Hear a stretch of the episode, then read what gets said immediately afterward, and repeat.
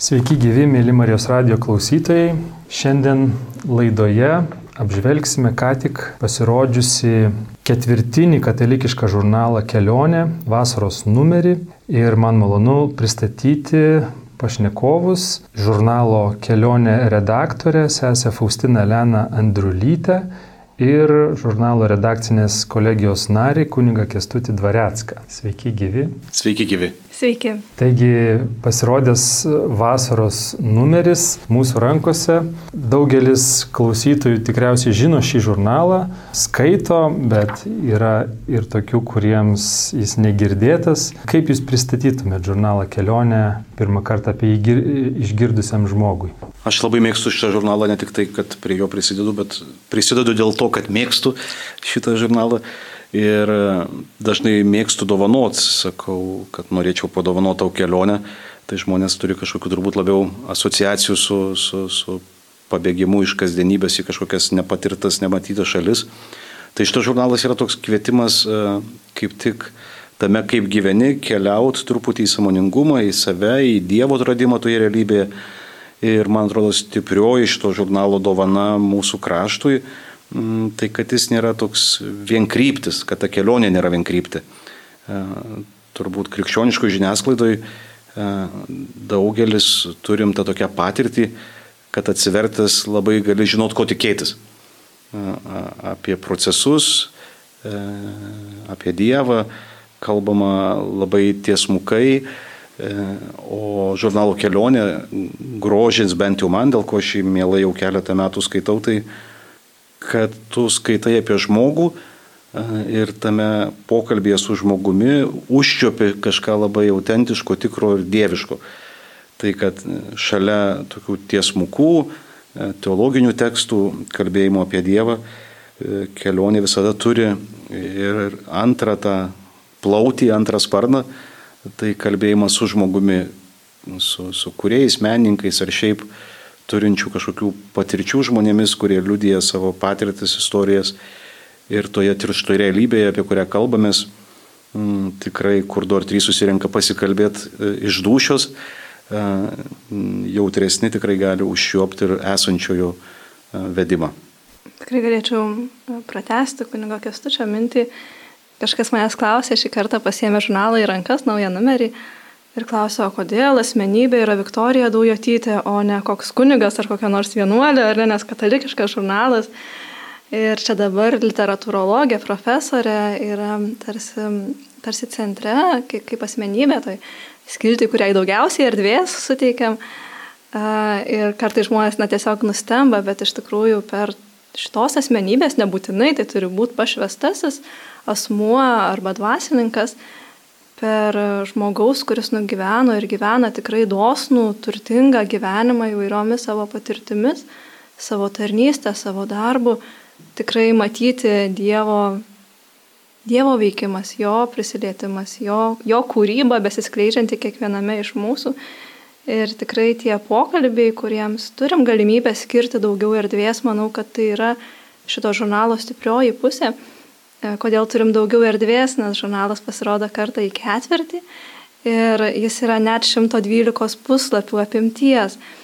Tai tikrai turim vietos ir pokalbiui, ir tokiam lėtesniam skaitimui, ir gausioms iliustracijoms. Ir stengiamės tikrai, kad žurnalas būtų spalvingas ir vaizdo istorija, vaizdo kalba taip pat e, kalbėtų ir kalbintų skaitytoje.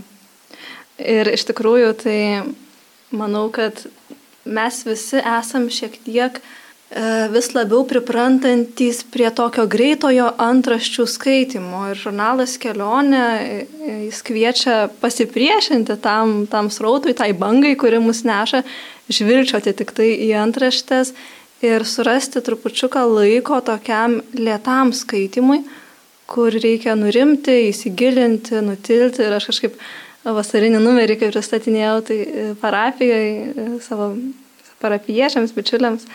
E, tai irgi sakiau, kad labai geras skaitinys atostogom, jeigu norit tokio rimtesnio skaitinio, ne, ne laikraštėlio, bet pasiimti ir kažką tikrai prasmingo perskaityti. Tai kodėlgi nepaimti į palangą žurnalo kelionės. iš įvairiausių atsiliepimų laiškų turbūt žinote susirinkę savo duomenys apie žurnalo skaitytojus. Tai kokia yra kelionės auditorija? Skaito žurnalą iš tikrųjų kas neskaito žurnalo, galiu pasakyti paprasčiau, tai turbūt neskaito žurnalo tie, kurie, kaip jau minėjau, yra daugiau antraščių kultūros žmonės, ar ne, kurie ieško greito skaitimo. Tada žurnalo tik, e, panašu, kad mūsų auditorija yra šiek tiek vyresnė, tai yra šiek tiek brandesni žmonės, kurie irgi gali rasti laiko tam, tam ramiam skaitimui. Džiugina tai, kad tai yra katalikiškas žurnalas, bet jį tikrai mielai skaito ir tie žmonės, kurie nesitapatina labai stipriai su bažnyčia, bet taip pat gali rasti temų, kurie joms, jiems yra aktualūs. Tai yra e, sielogydos temos, e, tekstai apie kultūrą, pokalbiai su menininkais, asmenybėmis. E, tai patraukia ir tuos žmonės, kurie nebūtinai yra sekmadieniniai katalikai, ar ne? Tai turbūt tokia ta mūsų auditorija ir be abejo tikinčiam žmogui, kuris nori auginti savo tikėjimą, keliauti tikėjimo kelionę ir kuriam negana to, ką išgirsta sekmadienį per mišes pamokslę, bet kartais norisi tikrai ir tos gelmės ir iškyla įvairių sudėtingesnių klausimų, tai tų tekstų mūsų žurnale yra, labai džiaugiamės, kad žurnalo uoli darbininkė ir bendradarbė yra teologija Juratė Micevičiūtė, kuri kiekvieną kartą pasiūlo tikrai kažkokią labai aktualią temą ir neria labai giliai ir teologinę, ir filosofinę, ir žmogiškąją prasme. Ir šį kartą žurnale publikuojamas jos tekstas e, apie mirtį, kuriame jie iškelia labai daug svarbių klausimų ir labai naujai suskamba netgi šita tema ir kažkaip aš pati skaičiau ir galvoju, turbūt tai vienas geriausių skaitinių, kuriuos aš esu skaičius, kaip mąstymų tekstų apie mirtį ir, tekstas jau baigęs ir aš galvoju, jis dar galėtų tęstis, dar norėtųsi, kad tęstųsi. Tai, tai iš tikrųjų manau, kad yra to dvasinio peno norintiems keliauti į gelmę. Bet e, čia vasarinis numeris ir, vat, sakot, yra tekstų apie mirtį. Minėjot, kad visai galima būtų jį pasimti į palangą. Ar, ar netrikdo skaitytojų tokios temos, ar jūs stengiatės kažkaip tai vasarą jį padaryti lengvesnį, mhm. ar čia skaitytojai neturėtų to tikėti? Tai aš pirmiausia norėčiau pataisyti, kad ne visi atostogavo palangoje ir ačiū Dievui, tai neįskirkim vieno miesto, galima pasimti ir prie ežero, ir į tėvų trobą. Ir šiaip pasim, net jeigu neišvažiuoja atostogauto, reikia vis tiek atokio, tai gali įkrist į fotelį mm, ir ramiai pabūti su savim. O kas norisi iš kelionės ir kur mes tikrai kartais net ir pasiginčiam vieni su kitais, tai norisi aktualumo, kad kalbėti ne šiaip nugludintom tezėm, frazėm, ignoruojant tai, kas vyksta, bet pamėginti pareflektuoti kaip tik tai, kas vyksta ir kas mums kaip vat, bičiuliams, kaip komandai kelia nemigą, nerimą ir pamėginti ne tai, kad atsakyti, bet bent nepabėgti nuo tų klausimų, e, kurie mus vienyje ir paieškoti kažkokių ats, galimų atsakymų užuomasgų. Mm, tai labai džiaugiuosi, kad kelionė nepretenduoja į, į gatavų atsakymų rinkinį, o kaip tik siūlo sustoti ir ties tais klausimais, kurie neramina. Tai šią vasarą nepabėgsim nuo mirties temos. Ne tik, kad visada jinai yra, e, kasdien miršta e, daugybė žmonių, E, kaip kienoji tai artimiausi žmonės, bet dėl vykstančių procesų, ypač dėl karo Ukrainoje, tai su tą mirtim lyg ir bandom ar apsiprasti, arba praignoruoti. Tai norisi truputį gal naujai pažvelgti į tą tokią siausiančio blogio e, realybę ir, ir atostogom tas puikiai tinkamas laikas, kada jeigu ne, ne, ne dabar, nes man atrodo mes kartais galim pabėgti į visokias seklės veiklas nuo, nuo klausimų, kuriuos e, realybė verčia atsakyti. Mm, čia nežinau, ar per, ne per toli nunersiu, bet man atrodo, kad tai, kas vyksta realybėj, kaip tik e, e, yra Dievo pastanga mus pažadinti ir, ir suformuoluoti mums klausimus, kad taip gyvent, kaip gyvenam, taip bendrauti tarp tautų ir vieni su kitais, kaip bendraujam, turbūt, kad akivaizdu, kad nebegalėsim ir kad tai veda e, į karus ir susineikinimą. Tai pabūti ir išgirstos klausimus, į kuriuos galim kiekvieną savo kasdienybę ir pasirinkimais atsakyti, man atrodo, būtų autentiškiausias būdas ir didžiausia atostogų dovana, jeigu mes rastumėm jėgų perkainuoti savo mm, vertybės, elgseną. E, ir nebijot klausimų, nebijot kartu nežinot. Kartu bijot yra drąsiau. Kaip tik norėjau klausti apie aktualumą. Man toks įspūdis buvo susidaręs, kad e, kelionė žurnalas netampa neaktualus, ta prasme, kad pasiemęs kažkokį senesnį numerį, gali jį skaityti ir netrodo pasenę, bet sakot, kad e, vis tik tai norit atliepti tas aktualijas. Tai kaip tai pavyksta, kad jis ir, ir aktualus, bet taip pat paėmus buvusi numerį vis tiek skaitai ir nesijauti, kad skaitai kažką pasenusio. Čia turbūt panašiai kaip su tam nuodėmėm, ar ne, kokią be padarytum, vis tiek kitas septynės sutelpa, ar ne, tai yra kažkokios labai kertinės temos mūsų gyvenimo, mūsų, mūsų žmogiškumo, mūsų tikėjimo kelio. Ir vienu metu sušvyti viena labiau, ar ne, kitu metu sušvyti kita. Bet, pavyzdžiui, tema apie mirtį ar apie pyktį, e, ką mes nemažai kalbam šitą kartą, šį kartą žurnale, e, ji bus aktuali ir po penkerių metų, nes taip pat mus lydės ir mirtis, ir nepykantos pagunda, ar ne, ir, ir kiti momentai, tai vienu metu tas galbūt sušvyti. O tas aktualumas, tai tikrai, dar klausimas tikrai suprantu ir iš kitos pusės šiek tiek, kadangi žurnalas pasirodo kiek, tik tai kartą per tris mėnesius, tai mes negalim sugauti savaitės aktualijų, mėnesio aktualijų, ar ne? Ir, labai, tai, ir tai niekada nebus karščiausių naujienų rinkinys, bet tai gali būti refleksija to, kas vyksta, kuri po penkerių metų paėmus žurnalą į rankas vis dar gali skambėti aktualiai, nes kalba apie tuos kertinius klausimus. Mėly Marijos radio klausytojai, šiandien laidoje primenu, kad kalbame apie ketvirtinį katalikišką žurnalą Kelionė, apie ką tik išėjusi vasaros numerį ir studijoje yra žurnalo redaktorė, sesuo Faustina Elena Andrulytė ir redakcinės kolegijos narys kuningas Kestutis Dvareckas. Pakalbėjom šiek tiek plačiau apie tai, koks yra kelionės žurnalas, o būtent šis vasaros numeris koks jis yra, kokios rubrikos, skiltis jame, ką skaitytojai gali rasti čia.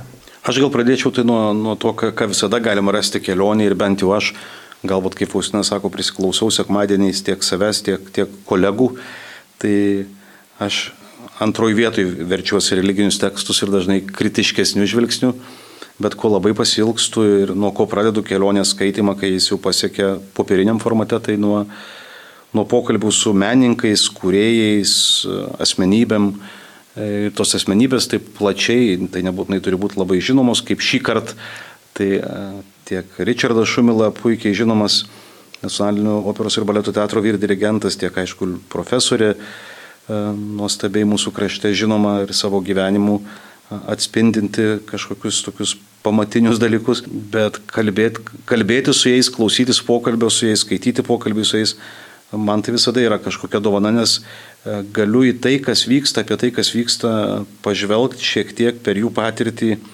ir jų akis. Tai mane pirmi dalykai, ko aš ieškau, tai tada visada yra tie kultūriniai.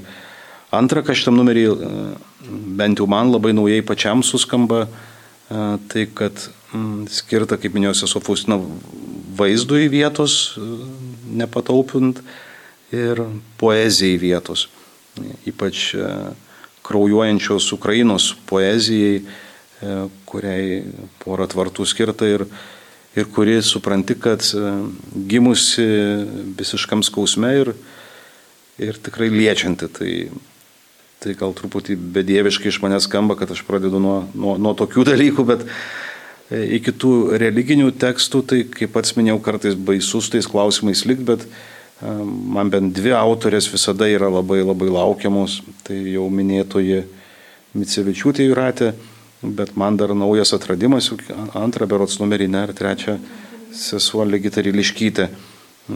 Kažkaip taip plačių žvilgsnių ir mylinčia širdim irgi žvelgia į dalykus, e, ne kažkaip ten su trafaretiniu tokiu matymu. Ir tas visada yra atgaiva, bet jau toks kietesnis maistas, kuriam reikia galbūt truputį mm, drąsos pabūt.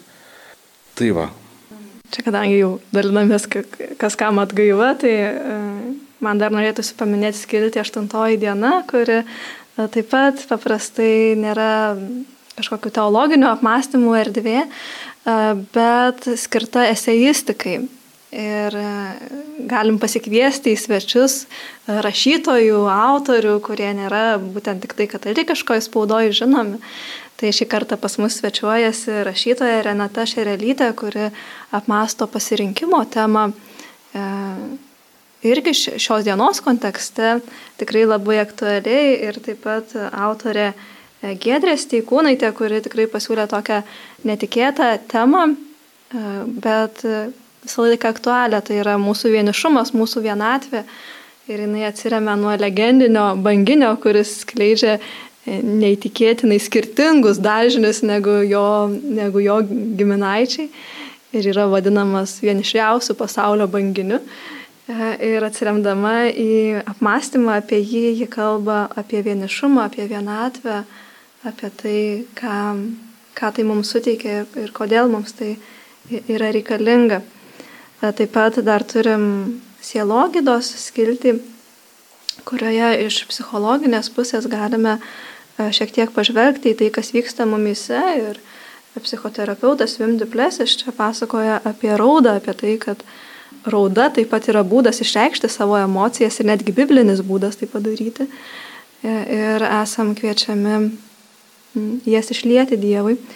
Taip pat Dominikos Naveckaitės straipsnis apie nežinomybę ir neapibrieštumą, kurie mus lydi šiandien ir su kuriais tenka gyventi, e, irgi yra toks, manau, pakankamai e, aktualus šiandieną. Tai skilties į logitą irgi visuomet e, galima rasti tokio peno ne tik, tai, ne tik sielai, dvasiai, bet ir šiek tiek iš tos psichologinės pusės pasižiūrėti į, į save, į žmogų.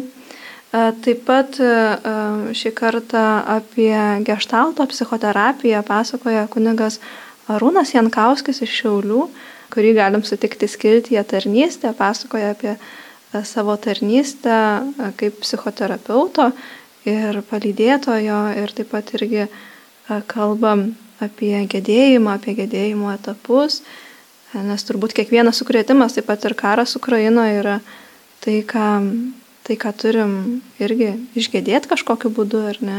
Tai taip pat šitą kunigą sutinkam žurnale šį kartą. Gerai, aš dar vieną temą turbūt irgi, kurią skaitau iškart po kultūros, tai nutolima tema, nes dažniausiai tai yra mėginimas pažvelgti kažkokius procesus, kurie vyksta čia ir dabar ir kurių norisi nematyti arba kiek įmanoma ignoruoti. Tai šį kartą nutilimoje temoje, aišku, į mūsų akiratį pakliuvo tas e, išgyvenimas, su kuriuo susidurėm tiek vienam, tiek kitam darbę ar tarnystėje, tai kaip patys artimiausi žmonės e, skirtingai vertina taip pat ir tą patį karą Ukrainoje ar kitus kasdienius procesus. Ir ne tai, kad skirtingai vertina, švelniai pasakyta, bet kardinaliai skirtingai, priešiškai. E, ir tada kaip vat, su tuo būt, kaip tame išgyvent. Tai viena nuostabi bičiulė sutiko pasidalyti savo, pasidalinti savo patirtimi, kai, kaip pavyzdžiui, tėvai yra visiškai proputiniški ir maitinasi propagandą, jie tiki ir kokias dilemas tenka spręsti, tada kai, kaip mylėti tokius tėvus, kaip su jais kalbėtis, kaip vis tiek išsaugot e, tą pagarbą, kaip išgyvent, e, kiek ten leist, pavyzdžiui, kokius anūkus, kad darytų įtaką ar neleist. E, tai jinai sutiko kalbėti ir ačiū jai, bet tikrai daugiau žmonių buvo, kad ateina ir sako, ne, nebežinau kaip išbūtame. Tai nutilimoji temoje šį kartą bus daugiau apie tai, kaip nepaisant e, kardinaliai skirtingų įvykių vertinimų, vis dėlto nenužmogėti santykiai viena su kitu ir neužkėtinti širdžių, neužkėtėti kažkaip požiūriuose, o tikrai kartu ieškoti tiesos kažkaip galiu pratesti, tai nutilimoji temoje dar vienas tekstukas yra visiškai trumputis, sakiau, tiesiog dėl pusės atvarto atsiradusio reikėjo užpildyti ir tiesiog parašiau tai, kas, kas pačios širdį vyrė tuo metu ir atsiriamant į vieną susitikimą, kai prasidėjo karas Ukrainoje. Mes visi labai puolėm uoliai melstis bendruomeniai, parapijos bendruomeniai. Ir viena parapietė sako, man kažkaip maldo iškyla tas vaizdinys, trojos arklio.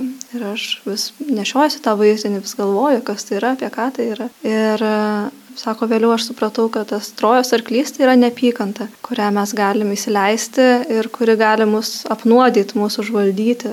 Ir e, turbūt tai reikia apie tą nutilimos temos pavadinimą - pyktis kare, pyktis, kuris gali kilti manyje, kuris kyla šeimose ir pyktis, kuris, kaip sako, taip pat e, kunigas Deimantas Brazilis, kalbintas irgi nutilimo temoje, jisai pabrėžia, kad na, normalu jausti pyktį ar ne, ir normalu pykti, bet tai tampa blogai, kai tave ta nepykanta užvaldo, kai tave už, užnuodija tavo gyvenimą, paverčia nuodais. Tai apie tai irgi kalbamės žurnale būtent apie tą pyktį. Ir manau, kad tu pati negali paminėti dėl kaip ten viešų ir privačių interesų e, konflikto, bet aišku, šį kartą yra ir apie šeimos seseris, kurios yra šio žurnalo e, dabar kaip čia augintojos, kurioms prisėmė tą tarnystę už šį žurnalą toliau. Tai aišku, visi čia iki skausmų girdim apie kronikos e, jubiliejų ir iš įvairių kampų į jį žiūrima. Tai mes šiame žurnale žiūrim per paprastų seserų patirtis ir jų pasirinkimus.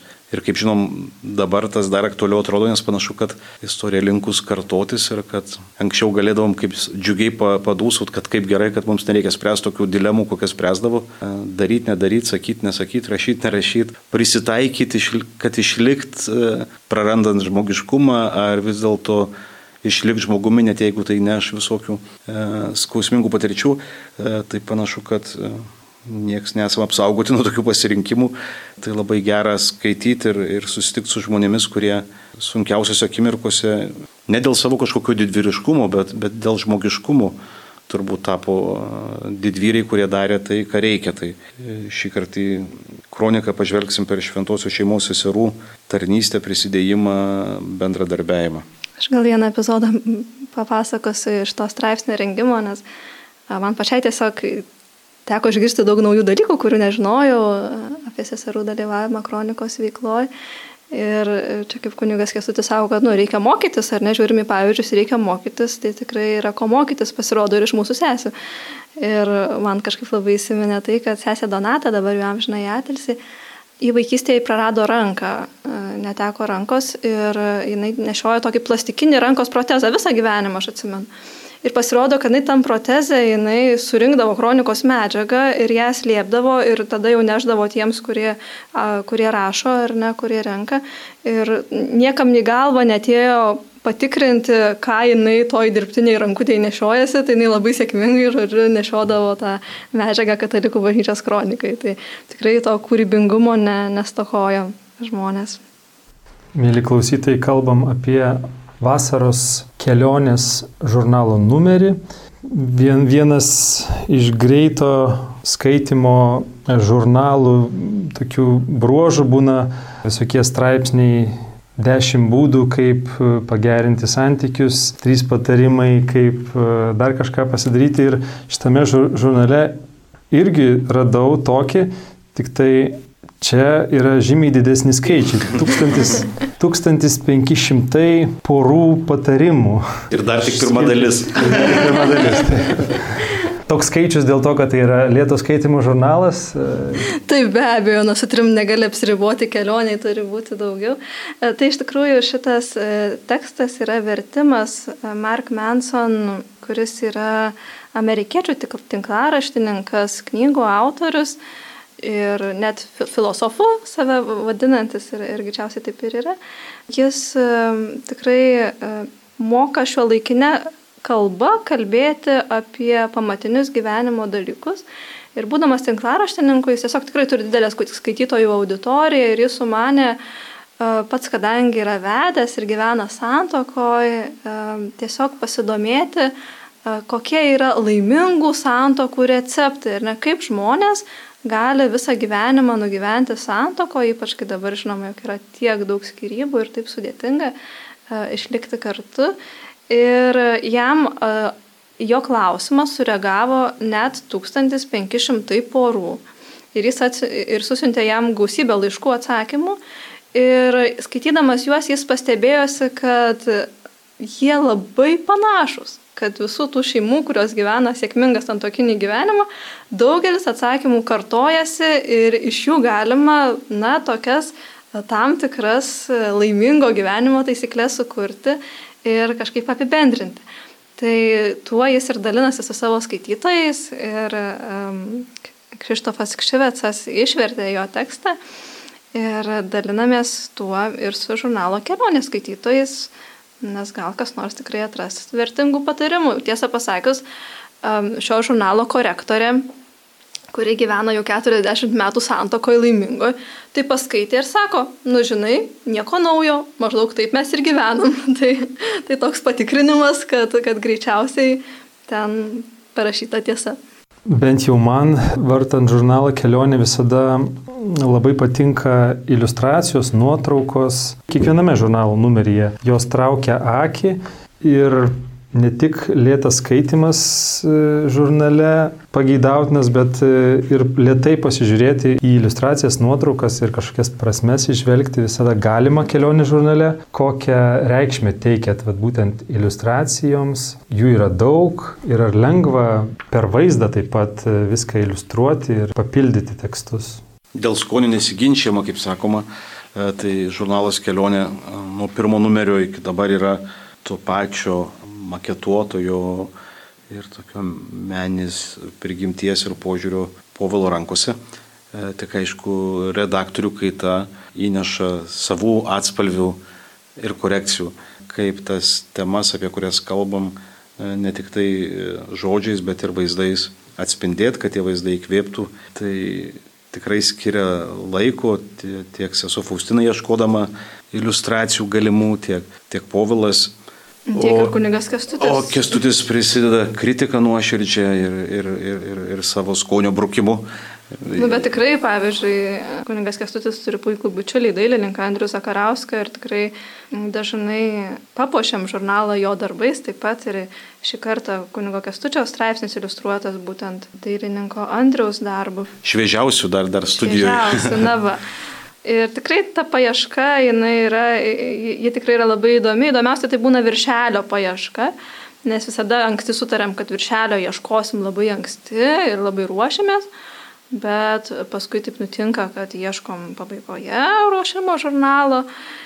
Ir tada jau visom galimybėm, kokias turim, tai buvo pirminis sumanimas, buvo šio viršelio, kad būtų tamsiame fone Jėzaus širdis, dėl to, kad yra birželis, Jėzaus širdies mėno, taip pat turim ir puikų tekstą apie Jėzaus širdį e, teologo valdo Matskelos, kuris, kol buvo žemėje, tai buvo labai aktyvus Marijos radijo, taip pat kalbėtojas, pranešėjas e, ir dosniai besidalyjantis savo dvasiniais turtais.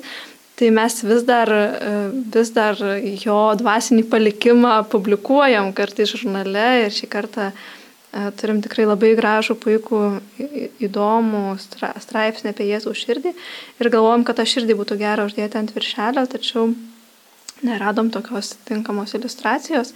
Ir vėliau supratom, kad vis viena, kadangi nors yra vasara, bet e, karo fonas, visas aplinkinis fonas mums kalba apie tamsą. Ir buvo aišku, kad norisi, kad viršelis būtų tamsus bet jame išaiškėtų šviesa, išaiškėtų viltis. Ir šį kartą viršelėje yra mm, liepsna, liepsna tamsiame fone degantis pienės pūkas. Ir ta liepsna mums kalba labai daug ir apie tą karo ugnį, ir nepykantos ugnį, kuri gali sudeginti, ir apie Jėzaus širdies ugnį, kuri taip pat liepsnoja iš meilės žmogui. Ir gali būti netgi kertinis klausimas, skaitant šitą žurnalą, kokia ugnim liepsnoja mano širdis, ar tai yra nepykantos liepsna, ar tai yra ta liepsna, kurią valo, nutyrina ir nuskaistina. Laidai einant į pabaigą, šiek tiek prabėgus per žurnalo šio vasaros kelionės numerio turinį, tekstus, norėtųsi paklausti apie krikščionišką katalikišką žiniasklaidą, kokią jūs ją matot ir kuom galėtumėt pasidžiaugti ir galbūt ko jai trūksta? Aš tai manau, kad iš tikrųjų na, nėra daug leidinių krikščioniško žiniasklaidos, jeigu kalbam, galbūt tai yra stipresnė savo internetinė veikla, internetinis dienraštis Bernardinai ar ne, yra kitų portalų. Bet to popieriaus, ką paimti į rankas, tai tikrai nėra, nėra tiek daug. Ačiū Dievui, kad turim artumą kiekvieną mėnesį pasirodančią ir tikrai tokias aktualijas laiko už, užgriebiančią. Ir ačiū Dievui, kad yra žurnalas kelionė, dar kol, kol jis yra, kol jis gyvuoja, kaip trupučiu didesnės apimties, kaip ketvirtinis, kaip šiek tiek kitokio pobūdžio. Na, iš tikrųjų, tai krikščioniška žiniasklaida, manau, kad neišgyvena dabar savo klėstėjimo laikų, bet tikrai patiria daug sunkumų ir iššūkių leidyboje ir patys būdami tame, tą matydami, tai tikrai galim tą liudyti, kad verta džiaugtis kiekvienu leidiniu, kurį turim, kuris yra, kuris pasirodo.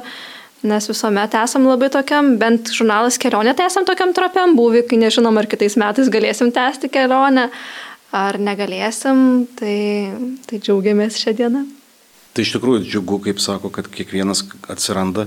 Tik kas mane labai gazdina galbūt kaip žmogų bijantį bet kokio fanatiškumo, lyguisto fanatiškumo praiškų, tai kartais, kad krikščioniškai žurnalai save laiko, ar žurnalais, ar leidiniai save laiko politika ir jų vertinimų, pasaulio vertinimų simantis autoriai. E, tai nežinau, kiek tai yra krikščioniška. Kad viena yra turėti etiketę, e, aš kaip visada piktai kartais sakau, sakau, ne, ne, ne abitas daro vienuolių, tai nepavadinimas daro krikščioniškų leidinių, jeigu jame nėra meilės kvapo ir pagarbos net ir uh, kitaip manančiam, kitaip gyvenančiam asmeniui ir nuoširdaus to sinodiškumo, noro įsiklausyti ir suprasti jo išgyvenimus, tai kažin ar galima jį vadinti krikščionišku, nors jis save ten sakys, kad labai labai katalikiškas. Ir aišku, kas labai liūdina turbūt, tai nežinau, kunigai, kurie sako, kad nelabai žmonėm reikia tų, tų žurnalų, nelabai skaito e, ta, ta problema. Tai čia klausimas e, toks.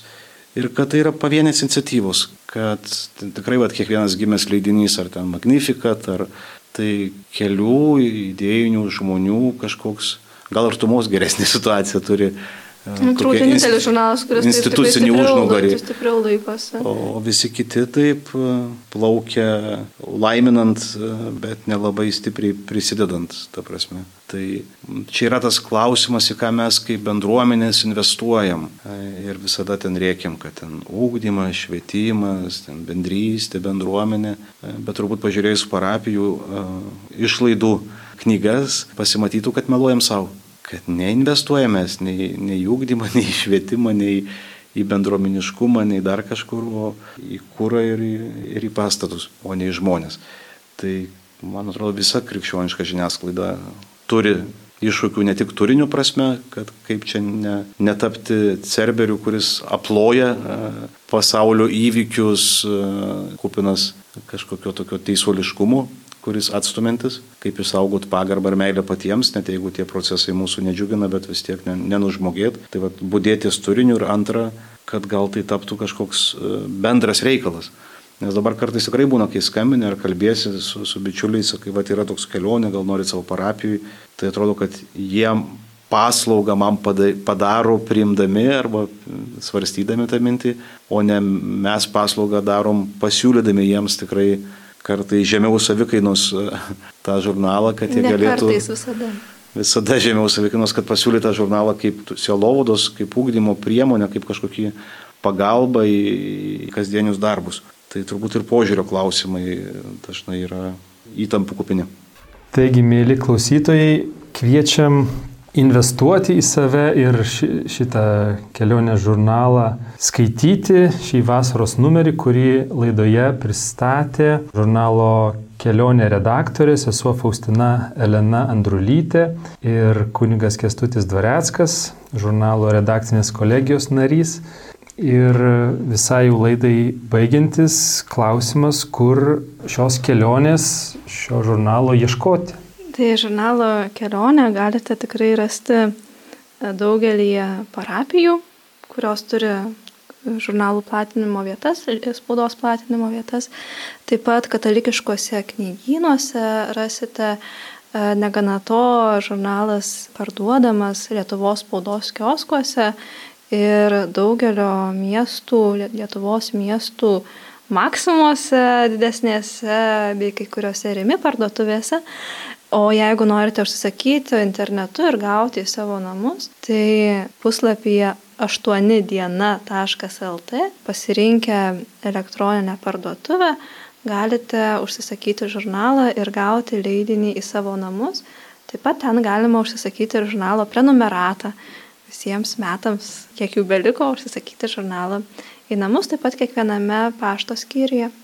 Ačiū Jums, mėly klausytojai, uždėmesi, ačiū sesę Faustiną Eleną ir kunigė Kestutį už dalyvavimą šioje laidoje. Aš Rimas Macevičius, atsisveikiname su Jumis, mėly klausytojai, iki kitų kartų. Su Dievu. Sudė. Sudė.